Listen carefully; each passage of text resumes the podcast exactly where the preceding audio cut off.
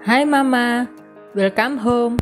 Ini adalah rumah tempat kita berbagi cerita seputar mendidik dan membesarkan anak.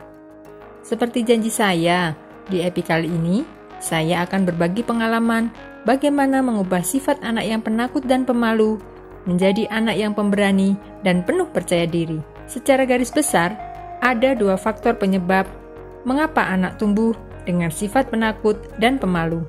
Faktor yang pertama adalah faktor dari dalam diri anak itu.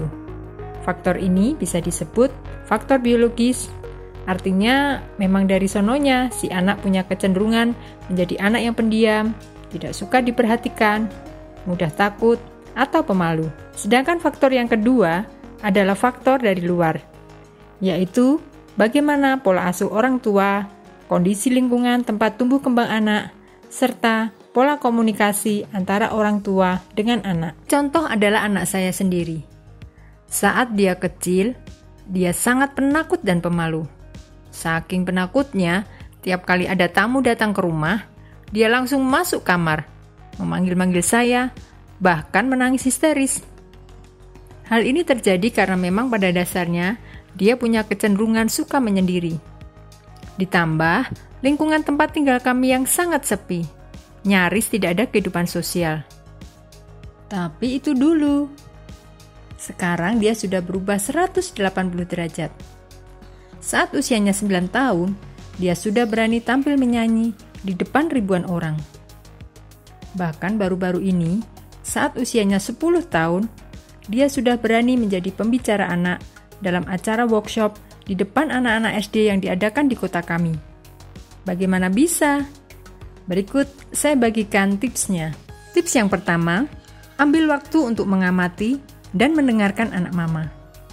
Tanyakan kepadanya, mengapa dia merasa malu atau takut. Dan coba gali perasaan terdalam yang berkecamuk di dalam diri anak yang membuat dia merasa malu atau takut. Jika anak mama masih terlalu kecil, coba tanyakan dengan kalimat yang sederhana. Misalnya, Mengapa kamu tadi menangis? Mengapa kamu takut saat ada tamu? Jika anak belum mau bicara, jangan dipaksa ya. Mama harus sabar dan tunggu saat yang tepat untuk kembali bertanya. Jika anak mama sudah mulai terbuka, ajalah anak untuk mencari solusi bersama. Poin yang kedua adalah sering-seringlah memberi pujian. Untuk semua usaha, kemajuan, sifat-sifat baik, maupun prestasinya. Pujiannya harus tulus dan bersungguh-sungguh ya. Jangan klise atau sambil lalu saja. Tips yang ketiga, berikan kebebasan untuk anak berekspresi. Beri ruang untuk mereka mengungkapkan ide, keinginan, atau perasaannya. Orang tua yang terlalu dominan atau otoriter akan memicu anak menjadi semakin minder, takut, dan tidak percaya diri. Yang keempat, Latih anak untuk bersosialisasi. Dimulai dari lingkup yang kecil. Misal, ajak dia mengunjungi teman sebayanya, entah saudara, teman, atau tetangga.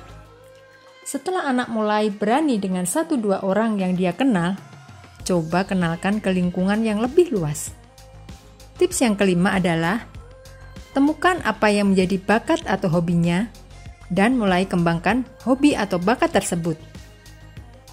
Saat anak memiliki sesuatu yang dalam tanda kutip bisa dibanggakan atau ditunjukkan kepada orang lain, rasa percaya diri pada anak akan perlahan-lahan tumbuh. Tapi ingat mama, jangan paksa anak untuk ikut les ini, les itu dengan alasan untuk mengembangkan hobi atau bakatnya ya. Karena kalau anak terpaksa, justru akan semakin membebaninya. Tugas mama adalah memotivasi, tapi jangan mengintimidasi. Sebelum saya akhiri, saya ingin mengingatkan dua hal penting. Yang pertama, kita tidak bisa mengubah orang lain sebelum kita ubah diri kita sendiri. Orang tua kan juga manusia, sangat mungkin melakukan kesalahan.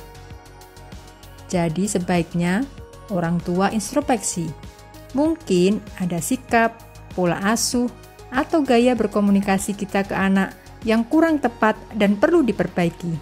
Yang kedua adalah untuk mengubah sesuatu yang sudah menjadi kebiasaan, sifat, apalagi karakter, tidaklah mudah. Dibutuhkan kesabaran dan konsistensi. Jadi, mama harus ikhlas berproses bersama anak tercinta. Karena kalau kita menabur dengan mencucurkan air mata, maka kita pasti akan menuai dengan bersorak-sorai. Oke, Mama, demikian tips dari saya. Mohon maaf bila ada kekurangan atau kesalahan. Semoga bermanfaat dan sampai jumpa di podcast selanjutnya. Bye.